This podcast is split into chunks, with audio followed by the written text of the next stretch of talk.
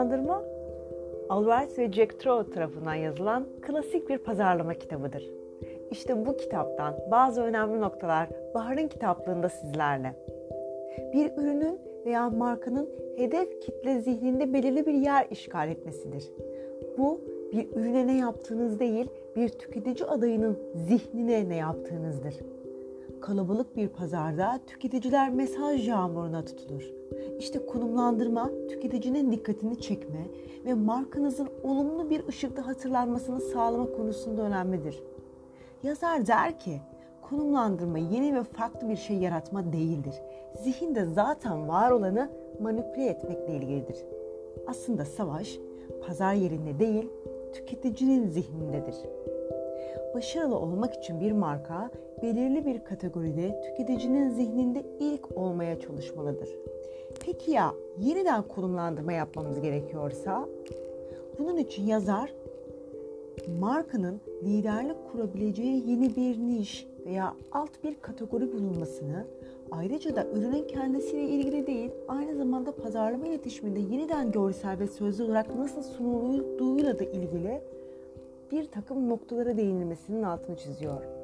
Mesajda yeniden tutarlılık, net ve hatırlanabilir bir pozisyon oluşturmak önemli. Aslında burada kendimizle ilgili de 3 adet soru var hangi pozisyona sahibiz? Hangi pozisyona sahip olmak istiyoruz?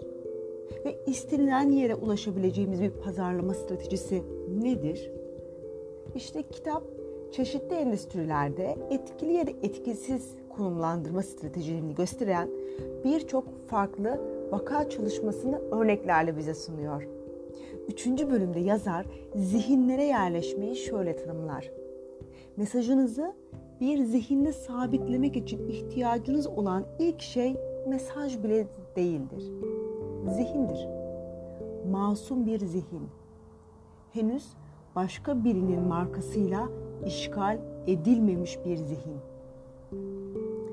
Harvard'da psikolog George Miller'a göre ortalama insan zihni aynı anda 7 birimden fazlasıyla başa çıkamazmış. Bu nedenle 7 sayısı hatırlanması gerekenler listesinin favori rakamıdır.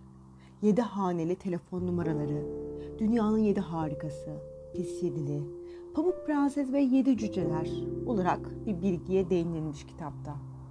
Yeni bir ürününüz varsa potansiyel müşteriye ürünün ne olduğundan çok ne olmadığını söylemek daha iyidir diyor. Örneğin ilk otomobile atsız fayton denilmiş. Kurşunsuz benzin, şekersiz gazoz gibi konseptler de eskiye karşı konumlandırmaya birer örnektir. Sonlara doğru kendinizi ve kariyerinizi konumlandırma adlı bir bölüm var. Konumlandırmanın en zor yanı tek ve belirgili konsepti bulmaktır. Siz kimsiniz? Hayattaki konumunuz nedir? Kendi konumunuzu tek bir kavramla özetleyebilir misiniz? Sonra kariyerinizi o konuma oturtacak ve ondan faydalanacak şekilde yürütebilir misiniz? Çoğu insan kendisi için tek bir konsept oluşturmaya yetecek kadar katı değildir. İlk adım uzun vadede oturtacağınız konsepti bulup çıkarmaktır. Bunun için de hata yapmak gerekir. Bunu sanırım çok dikkatli seslendirmem gerekiyor. Biraz karışık. Yapılmaya değer her şey berbat yapılmaya da değerdir. Eğer yapılmaya değmeyecek bir şeyse zaten hiç yapmamış olmanız gerekirdi.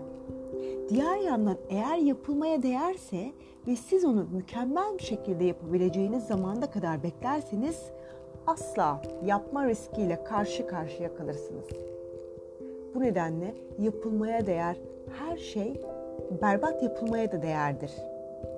Pek çok kez dener, pek çok kez başarır pek çok kez mağlup olursunuz. Konumlandırma tersten düşünmedir. Kendinizle başlamak yerine potansiyel müşterinin zihniyle başlamalısınız.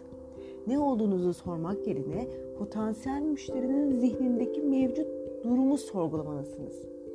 Zihinleri değiştirmek çok zor bir iştir. Orada zaten var olan ve çalışmak olan bir şey var. O daha kolaydır. Bugün iş piyasası kendilerini uzman olarak tanımlayabilen ve konumlandıran kişilere aittir. Bir uzman olarak işsiz bir konum edinmek için her işten anlayan biri olmamalısınız. Her şeyden önemlisi de neyin işe yaradığı ile neyin işe yaramadığı arasındaki farkı görmelisiniz. Basit görünüyor ama değil. Gelgit dalgası yükseldiğinde her şey işe yarıyormuş gibi görünür. Dalga geri çekildiğinde ise hiçbir şey işe yaramıyormuş gibi olur. Bu nedenle fedakarlığa hazır olmalısınız. Konumlandırmanın özü fedakarlıktır. O eşsiz konumunuzu oluşturmak için bir şeylerden vazgeçmeye hazırlıklı olmalısınız. Sabra ihtiyacınız vardır. Peki neye ihtiyacınız yoktur? Şöhrete ihtiyacınız yoktur diyor yazar. Benim de her zaman dile getirdiğim gibi meşhur olma, marka ol. Bahar'ın kitaplığı. Bu bölüm sona erdi. Bir sonraki bölümde görüşmek üzere. Hoşçakalın.